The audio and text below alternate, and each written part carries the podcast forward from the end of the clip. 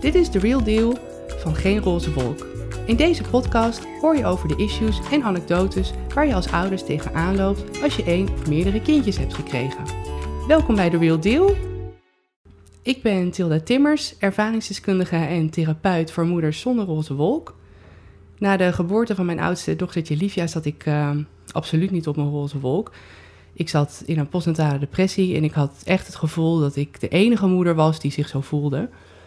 En um, hierdoor voelde ik me toen heel eenzaam. En ik vroeg me steeds af: Goh, hoe zou het voor die andere moeders zijn? Zouden die zich ook zo voelen als ik? Ik besloot toen uh, een blog te schrijven over mijn postnatale depressie. En deze blog die ging uh, helemaal viral. En vervolgens kreeg ik zoveel reacties, mailtjes en berichtjes. dat ik dacht: Oh, hier, hier moet ik echt iets mee. En daarom uh, ben ik dus mijn praktijk voedselbegeleiding gestart. En kun je vanaf nu elke twee weken luisteren naar deze podcast voor en door moeders. Om jou op weg te helpen in de struggles van het moederschap. Uh, vandaag interview ik Evelien Stallaert. Welkom. Hi. Goedemorgen. Leuk dat je er bent. Dank je. Kun je voor de luisteraars nog even vertellen wie je bent, wat je doet, et cetera? Jazeker. Nou goed, ik ben Evelien Stallaert. Ik ben uh, psycholoog en seksoloog. Ik um, werk um, in mijn eigen praktijk in Amsterdam. Uh, al vijf jaar. Doe ik met heel veel liefde. En um, je kan me misschien kennen van uh, RTL Boulevard of van um, Married at First Sight of Second Chance, waar ik uh, als expert ook een rol heb. Dus, dus dat. Nou, hartstikke leuk. Ja. Ja, we gaan het vandaag hebben over seks na de bevalling. Mm -hmm. En dat is toch nog wel een beetje een taboe onderwerp, heb ik gemerkt. Um, ik schrijf er ook over in mijn boek, uh, Toen kreeg ik weer lucht. En ik denk ook dat het belangrijk is dat er daar weer wat meer openheid over komt. Ja. Want dat is wel nodig. Zeker waar, ja. Want we hebben natuurlijk vooral in de zwangerschap over hè, hoe het is om te bevallen en hè, hoe je daar naartoe kan leven. Maar eigenlijk Mhm. niemand vertelt je over hoe het is als je straks weer voor het eerst seks moet hebben. Juist, ja, zeker. Hoe, hoe komt het, denk jij, dat het nog zo'n taboe onderwerp is? Ja, ik denk dat um, het vooral ook te maken heeft met dat we echt bezig zijn met, met, met dat kindje. En, en dat is dan Ja. op dat moment even het allerbelangrijkste. En um, ja, zeker als je uh, ouder wordt, als, als, nou de, voor de eerste keer sowieso, maar iedere andere keer natuurlijk ook, dan is die focus gewoon echt even heel anders. En Ja. dan lijkt dat seksuele even echt op een ja, vele lagere rang te staan. Ja. Uh, maar het is natuurlijk wel heel belangrijk. Nou, dus zeker. Op, op dat moment wil je dat niet horen, dat dat er ook weer aankomt en dat dat ook weer, Precies. weer moet gaan starten. Maar het is ook gewoon heel goed voor je relatie en voor, je, voor jezelf, maar ook voor je gezondheid. Nou, maar echt. Jazeker. Dus um, het is belangrijk dat mensen ook weten waar ze aan toe zijn um, op het moment dat dat weer mag. Ja, want je zegt eigenlijk willen vrouwen dat niet horen. Hoe komt dat, denk je?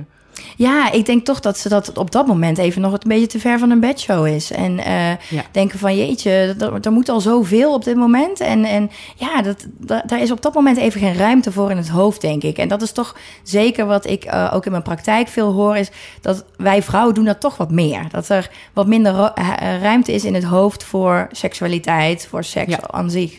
Dus uh, zeker als je zwanger bent, dan heb je eigenlijk die focus van ja. Er moet eerst wat uit eh, voordat er eens weer wat in moet. Ja, dus uh, dat, uh, ja, die focus is gewoon echt anders. Ja, dat, dat herken ik ook wel. Ik weet nog toen ik zelf net bevallen was en toen ik had een flinke knip en ook dus echt aardig wat hechtingen. Mm -hmm. En ik weet nog dat ik dacht, ja, dat, dat kan niet, joh. Dat, ik, ik, ik weet nog dat die eerste keer poepen vond ik al hartstikke spannend. Dus Ja. laat staan als je dan hè, voor het eerst seks moet gaan hebben Ja, weer. zeker. Ja, Ja. nee, dat is ook echt wel een ding.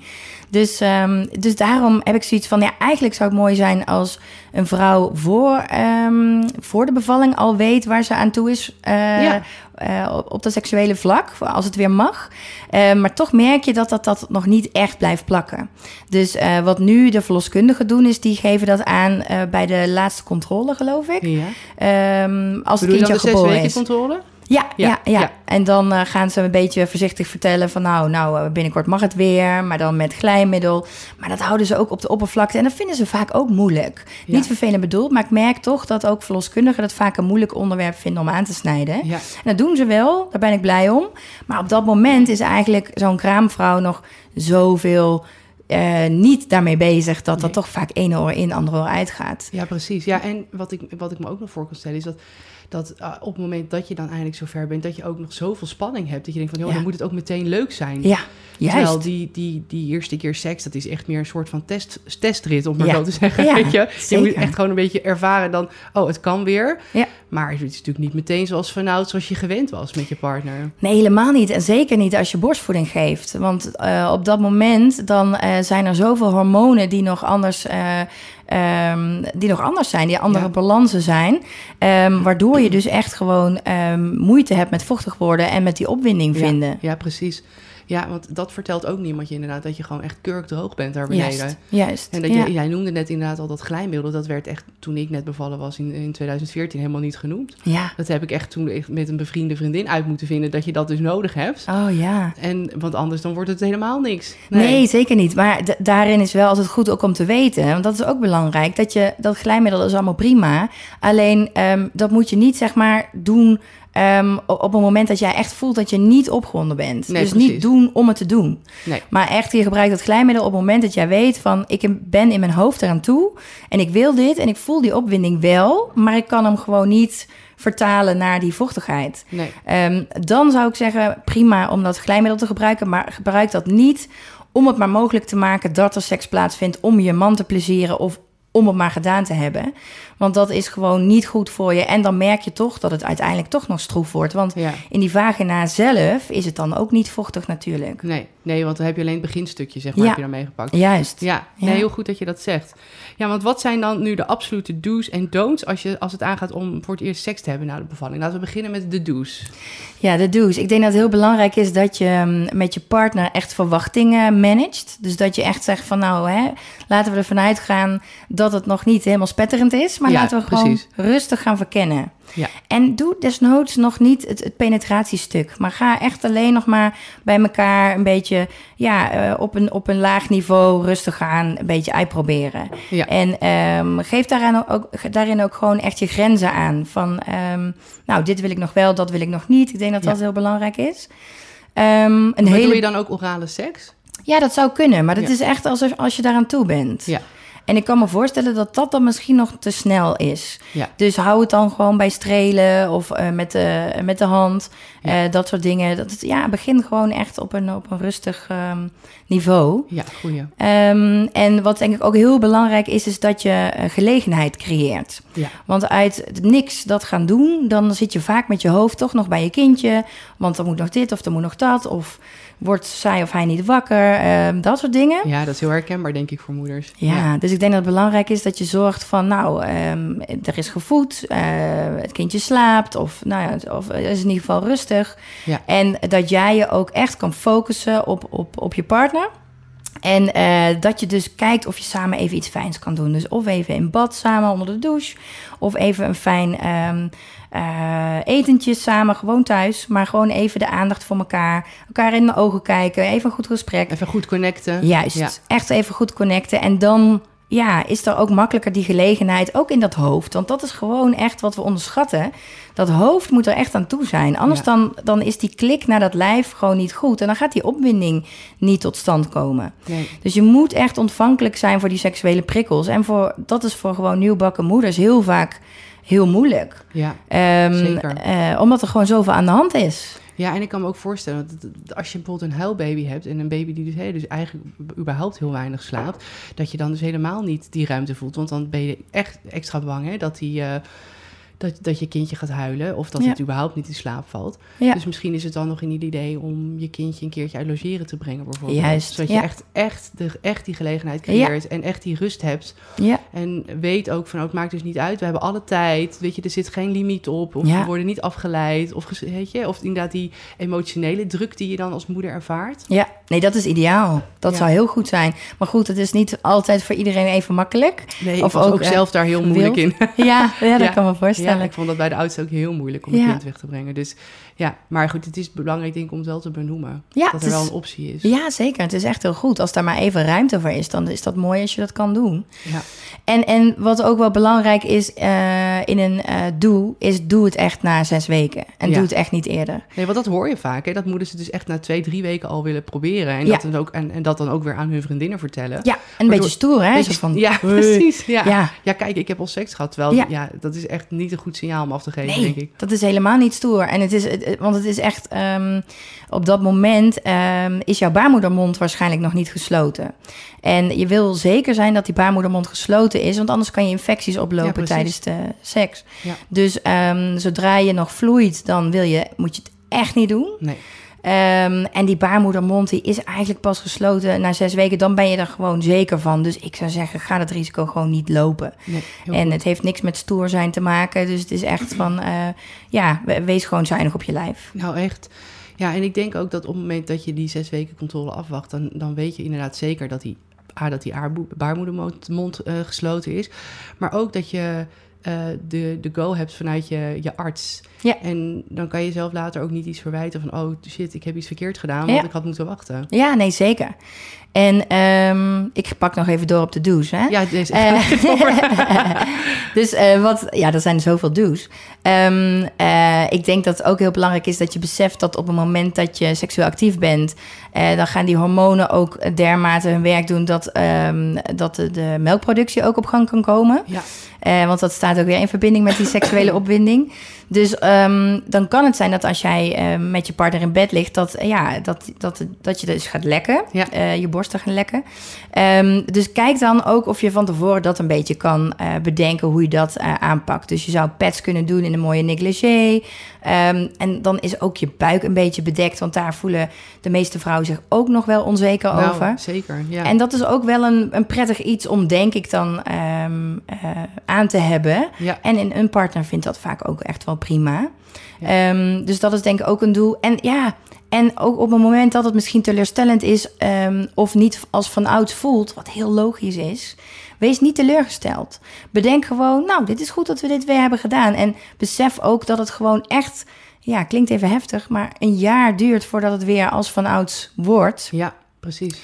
Ehm, accepteer dat. Accepteer dat en, en ehm, wees allebei niet gefrustreerd of, of teleurgesteld. Want dat is zonde. Ja, Want dat legt echt een negatieve lading op die seks... waardoor je de volgende keer dan eigenlijk alweer met minder zin begint. ja daar verkramp je eigenlijk al een beetje hè, op Ja. voorhand. Ja. En zo kan je echt eh, seksuele problemen ehm, oplopen als je dat eh, op die manier doet. Dus Ja. doe het echt als je zelf wil, dus niet voor je partner. En ehm, eh, doe het met de juiste mindset. Dus hey, dit, ehm, mijn kop staat daarna, ik vind het fijn, ik wil dit. Ja. En eh, ja, dan, dan pak je al een hele hoop eh, goeds mee. Ja, goeie. Dus ehm, ja, dus, dus echt hou die positieve vibe eromheen. Dat is zo belangrijk, want anders ga je het vermijden. En dan ga je merken dat je toch een beetje uit elkaar groeit op dat vlak. En dan ga je het gewoon ja, niet meer doen. En dan gaat die seksdrive ook achteruit. En dat hoor ik toch wel heel veel bij jonge moeders. ja, niet hoe langer je wacht eigenlijk, hoe, hoe minder seksdrive je hebt. Juist. Ja. Uh, if you don't use it, you lose it. En Ja. dat is echt... Ja. En het is helemaal niet erg en het gebeurt heel vele. Alleen wees er bewust van eh, dat je er dan dus wel even iets mee moet. Want het is zonde, want het kan echt je relatie eh, op het spel zetten. Ja. Ja. Ja. en ik hoorde je ook iets zeggen over dat lekken hè, tijdens, de, tijdens de seks. Ik denk dat dat voor heel veel moeders die borstvoeding geven herkenbaar is. Ja. Ehm, en ik kan me ook voorstellen dat je hiervoor waren je borsten, zeg maar, hè, van jou en je partner. Dus je partner, hè, die stilde, die, die, die deed daar van alles mee. Dan Ja. ineens, als daar dan een enorme, scheut melk uitkomt. Ja, ik kan me voorstellen dat dat ook enorm schrikken is. Ja. Ja, dus ehm, ik schrijf daar ook over in mijn boek inderdaad. Van, ja, gebruik pads of nou, wat jij zegt, ook een mooie ne- negligé, hartstikke leuk. Ja. En ehm, ja, en inderdaad, als je heel lang niet hè, meer seks hebt met elkaar, ga je op een gegeven moment ook die, wordt die drive steeds, wordt die drive steeds minder. En je zegt, Ja. nou, daarmee zet je eigenlijk ook je relatie op het spel. Ja. Wat, wat voor voorbeelden kan je daarvan noemen? ja, je merkt dan dat op een gegeven moment dat je merkt eh, als vrouw dat je toch eh, geen zin meer hebt. Dus dat, dat je heel moeilijk die opwinding kan pakken. Ja. Maar daarmee ook steeds meer een negatieve associatie met die seks gaat krijgen. Van, oh nou wordt het een moedje. En als het een moedje wordt, ja, dan gaat het heel snel achteruit. En dan kan het zijn dat je met je partner gewoon merkt van... hé, hey, mijn partner wil wel, maar ik wil echt niet. Nee. En wat dan ook kan gebeuren is dat gewoon de basisintimiteit al minder gaat worden. Omdat je alles gaat associëren met, oh, maar als die me nou een hele zwoele zoen geeft... misschien wil die dan wel. Oh nee, Ja. dat, dat ga ik dan maar uit de weg. Ja, dus dan ga je zelfs de kleinste affectie al uit de weg. eigenlijk. Juist. Ja. En, en daarmee kan zoiets echt sneeuwballen. En, en dat doet het ook eigenlijk bijna altijd. Dus daarin zeg ik van, ja, wees bewust dat je ook daarin communiceert met elkaar. Van, hé, hey, weet je, eh, ik kan het even niet opbrengen, sorry. Ehm, maar hè, we gaan het binnenkort weer proberen of we gaan gelegenheid ervoor eh, scheppen. Dus, dus wees... ehm, er open naar elkaar toe over. En eh, probeer iedere keer elkaar op te zoeken in die communicatie. Wees, ja. Ja, en je zegt sorry, maar moet je echt sorry zeggen als je geen seks wil? Nee, zeker. Nee, tuurlijk niet. Nee, Nee. dat is onzin. Nee. Maar ik kan me voorstellen dat je dat dan misschien zo voelt. Ja, precies. Eh, dat je dat wel eigenlijk je partner wil geven, maar dat dat dan eventjes, eh, ja, gewoon even niet gaat. Nee. En dat mag er dus echt best zijn. Ja, absoluut. En ook inderdaad wat je zegt, blijf het gesprek aangaan. Want ik kan me voorstellen als je niet praat over het feit dat je geen seks hebt, dat het probleem alleen maar groter wordt. Ja, zeker. En wat ik bijvoorbeeld ook zie in mijn praktijk is dat moeders vaak eh, aan de pil gaan als ze niet op een roze wolk zitten. Het wordt dan voorgeschreven door de huisarts. Mhm. Ehm, dat heeft vaak een negatief effect op hun geest, maar ook op hun seksdrive. Ja, ja, Dus dan hebben ze nog minder zin, zin Ja. in seks eigenlijk. ja, ja. Dus als je in een postnatale depressie zit, heb je überhaupt Nee. zin in seks. Dan is dat helemaal heel moeilijk. Dus ja. wat voor tips heb je voor deze moeders? ja, dat is inderdaad moeilijk. Ehm, ik denk dat het sowieso heel belangrijk is dat je dus niet tegen je zin indoet, maar probeer echt eh, meer de tijd te nemen. En probeer Ja. toch misschien meer ehm, te gaan voor dat strelen, het knuffelen, het kussen. En dat je daar jezelf echt even de tijd voor geeft. Dat je zegt, nou, voor nu Ja, is het even dit. Ja. Ja, En, en ik hoop dat daar gewoon begrip voor is aan de andere kant. ja, nee zeker. Ja, En dat je ook hè, weet dat het niet voor altijd zo blijft. Dat is denk ik ook belangrijk. Dus. Stel dat- dat je nu naar deze podcast luistert en denkt... nou, ik heb echt al sinds mensenheugenis geen seks meer gehad. ja Weet dat dat dus niet zo blijft. En dat er dus wat aan, A, wat aan te doen is. zeker. Maar ook dat het gewoon weer goed komt uiteindelijk. Ja, zeker. En op het moment dat je merkt van... hé, hey, we zitten in een, een beetje in een cirkeltje samen... want dat, dat doen we vaak, hè. Ja. We hebben vaak een patroon en daar blijven we in hangen... Ehm, dan ga naar een seksoloog. Ja. Ehm, omdat we dan net even kunnen kijken met je van... hé, hey, wat is dat patroon en hoe kunnen we je daar uithalen? Want dat heeft alles te maken met... ja, toch bepaalde gedachten, bepaalde verwachtingen... Ja. eh, en communicatie. En, en daar is heel goed eh, wat, eh, wat aan te verbeteren. Ja, die verwachtingmanagement is inderdaad heel belangrijk. Want ik zie inderdaad ook vaak dat moeders de lat heel hoog leggen. Ja. En dan, ja, dan, dan streef je eigenlijk iets na wat niet realistisch is. Dus Ja, probeer ook tegen jezelf te zeggen... joh, goed is ook goed genoeg. ja. Weet je, als je gewoon met elkaar lekker knuffelt... of elkaar een massage geeft, is het ook al hartstikke goed. Ja, zeker, zeker. ja. Zeker. Hey, ik heb wel een hele grote don't. Mag ik die al Ja, noemen? ja, doe. Een hele grote don't is eh, de pijn verbijten en door de pijn heen gaan. Oh ja, goeie. Ja. Want dat is echt wat heel veel vrouwen ook in de gewone seks doen. En dan bedoel ik gewone seks, bedoel ik... eh, Als je niet net bevallen als je bent. niet net bevallen Ja, bent. Ja, Ehm, en ehm, dat is toch ook weer een beetje eh, ja, om die ander te plezieren. Dat zit Ja. toch een beetje in onze aard. En dan denken van nou, even doorbijten en eh, dan hebben we dat tenminste gehad. Of dan heeft hij zijn plezier. ja, Ehm, niet dat iedereen zo denkt, maar dat wordt toch wel vaak zo gedaan. ja. Ehm, en dat is echt absoluut niet goed. Want ehm, die pijn, die pijn die dat is eigenlijk een signaaltje van jouw hoofd... van hé, hey, ik ben hierboven nog gewoon niet helemaal aan toe. precies. Dus op dat moment heb jij, is er nog gewoon niet voldoende opwinding. Ehm, en als dat wel zo is en je voelt echt, nee, ik ben opgewonden, dan moet je dus even kijken naar of even wat langer dat voorspel te doen. Dat je van binnen toch ook wat beter vochtig bent of beter met dat glijmiddel werken. Ja, precies, die combinatie. Ja, maar het is eigenlijk gewoon echt een, een alarmsignaal van je lijf. Dus luister daarna. Want als je daar tegen ingaat, dan kan je eh, wondjes krijgen, eh, infecties oplopen. En ja, doe dat alsjeblieft niet. Want dat zijn plekken waar je dat soort dingen niet wil hebben, omdat het gewoon langzaam heelt. Ja, en ik kan me ook voorstellen dat het mentaal gewoon bijna traumatisch is. Als, Ook. je, als je seks hebt, Ja. terwijl het eigenlijk gewoon niet, niet gaat. Of je het misschien eigenlijk ook niet wil. Ja, juist. En met pijn, inderdaad, eh, de pijnervaring plus seks, dat maakt ook weer dat je een negatieve ervaring hebt. Ja. Waardoor je dus ook weer minder zin hebt, meer gaat vermijden en weer in die cirkel terechtkomt. Ja, en je wil die negatieve associatie ook niet met je partner natuurlijk. Nee, je wil juist. juist dat, dat positieve gevoel met elkaar. Ja, zeker, zeker. Dus ik denk, ehm, neem je tijd is ook echt een hele belangrijke Ja. hierin. Ja, de tijd, de gelegenheid creëren dus. ja. Ja. Ehm, nou, we hadden het er net al over. Hè? Veel relaties komen onder druk te staan na de komst van een kindje. Mhm. Ehm, waar ligt dat volgens jou aan? Ehm, ja, ik denk toch dat het niet genoeg gecommuniceerd wordt. Men, men denkt toch vaak te snel van... we gaan weer door op de oude voet, zoals Ja. het was voordat we een kindje hadden. En dat kan eigenlijk niet. Nee. Want je bent toch echt veranderd. Er is toch iets gebeurd. Er is een ander leventje waar je ook verantwoordelijk voor voelt. En eh, dat maakt dat jullie eh, toch wel een verandering allebei doorgegaan zijn. Ja. Toch onbewust ook vaak wel. Ehm, dus je moet eigenlijk gewoon echt even helemaal opnieuw beginnen samen. En elkaar weer opnieuw vinden. ook. ja, En dat is eigenlijk heel prima, maar wees daar gewoon bewust van en ehm, heb het daar met elkaar over. Want gewoon daar niet over praten en maar gewoon op de oude voet verder werkt vaak niet. Nee, absoluut. Nee, en ik weet dat zelf ook nog. Toen ik net bevallen was, toen dacht ik ook... oh, maar ik ga gewoon alles blijven doen wat ik deed voordat ik een kindje had. Maar Mhm. toen kwam ik natuurlijk in een postnatale depressie... dus toen ging dat helemaal niet. Nee. Maar het geldt eigenlijk voor alles. Dus je denkt dan, oh, ik, ik zet mijn leven gewoon voort. Maar je moet echt weer even pas op de plaats maken. En ja, een soort van nieuwe balans zoeken tussen jezelf... het moederschap, je relatie. Ja. Veel moeders vergeten zichzelf totaal... en zijn alleen maar bezig met de zorg voor hun kindje. Ja, En dan Ja. vraag ik me ook wel eens aan moeders van... goh, maar wat wil jij eigenlijk? juist. En, Ja. en dan kunnen moeders dan soms helemaal geen antwoord op geven. Nee, bizar hè? Ja, vind echt, dat vind ik echt sneu. Want dan denk ik, ja, jij bent echt een, gewoon je eigen persoon, je eigen individu. En jij hebt ook recht op geluk en dat gevoel van, hé, hey, ik mag er gewoon zijn. Jazeker, zeker. Ja. Ja. en het is ook vaak wat ik eh, in mijn praktijk hoor in, in de seks überhaupt. Dat ehm, eh, wij vrouwen toch vaak moeilijk vinden om voor dat eigen plezier te gaan. Ja. En ehm, nou ja, dat is ook, is ook hier heel belangrijk. Want ga weer kijken van wat vind ik nu lekker? En wat vind ik nu lekker nu eh, alle andere dingen ook misschien even anders voelen. ja, precies. Dus ehm, ja, dat is echt gewoon weer even op zoek gaan. Ik weet nog dat ik naar die, bij die zes weken nakontrole was. En toen had ik een verloskundige, het was niet, die kende ik niet, dat was een vreemde voor mij. En die zei echt zoiets als, eh, ik, ik moest even kijken met de spiegel. Ja, ja. ja, Dat is goed. Ja, ja, dat is goed, maar dat wilde ik helemaal niet. Nee. Dus uiteindelijk, ik keek en ik dacht, oké, nou ja, best. Ze zei, hoe vind je dat het eruit ziet? En ik zei, ja, nou ja, best. Ja, ik kon er niet heel veel van maken. Ik vond Nee. het heel moeilijk. Ja. En toen zei ik, ja, het ziet er zo anders uit. En toen zei zij echt, helemaal niet empathisch ook van... ja, meid, ja, helemaal zoals het was, wordt het überhaupt nooit meer. Oh god. En toen dacht ik echt, oh nee. En toen, ik ging ook helemaal gedesillusioneerd naar huis. Oh, En toen dacht ik, eigenlijk is mijn foef nu voor altijd mislukt.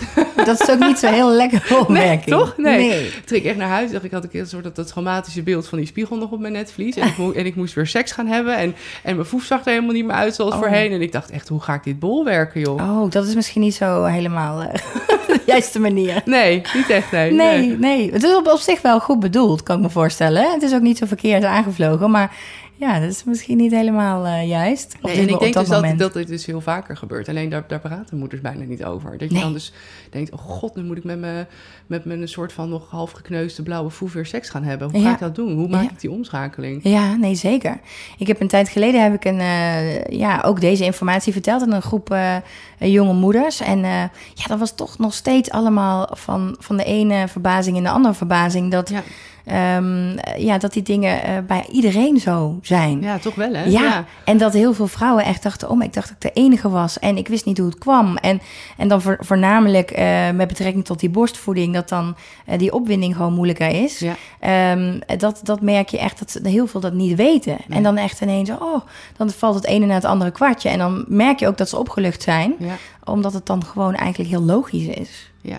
Hoe heb je dat zelf ervaren toen je zelf net moeder was? Ja, eigenlijk hetzelfde.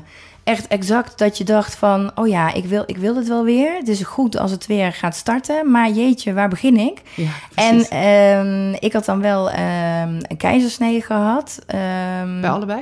ja, helaas allebei spoed. En ja, dat was heftig, maar eh, uiteindelijk allemaal heel oké. Maar ik weet wel dat ik daar de eerste keer dacht van jeetje, het is echt zo anders. En ik Ja. was ook wel een beetje teleurgesteld.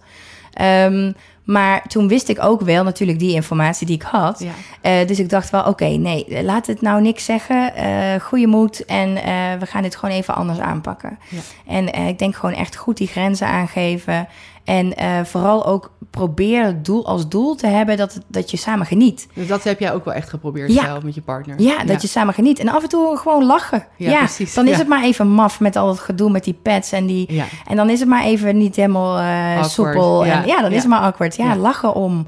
En hou het licht samen. En ik denk dat je dan, eh, dan ook al heel veel goed kan doen. Ja, dan kom je heel ver, denk ik. Ja. Dat ben ik wel met je eens. Inderdaad, humor zal je redden. Ja, dat is echt zeker.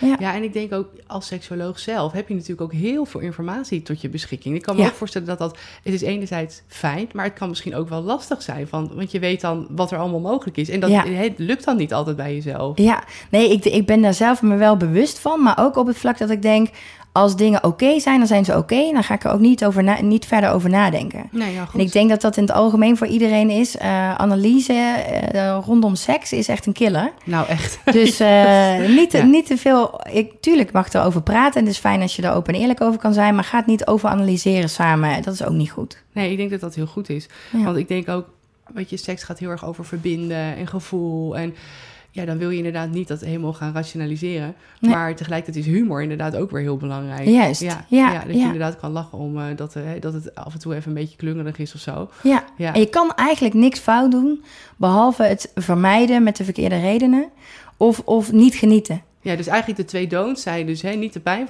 verbijten. Ja. Ja, en, en, en, ja, en te, het allemaal veel te serieus en te functioneel Ja. aanvliegen. Ja. Dus eh, doe het niet voor je partner, maar doe het ook echt voor je eigen genot en voor Ja. jullie lol. Ja, seks na de bevalling is ook echt iets wat, wat je heel erg voor jezelf doet. Niet alleen voor Ja. je partner. Ja, En dus niet alleen om te pleasen, om, nee, omdat je ziet dat je partner dat graag wil, maar dat je ook dat doet omdat je het zelf graag ja wil. dat je eigen seksualiteit eigenlijk weer aanzet. Ja, Dat is ook heel goed voor je.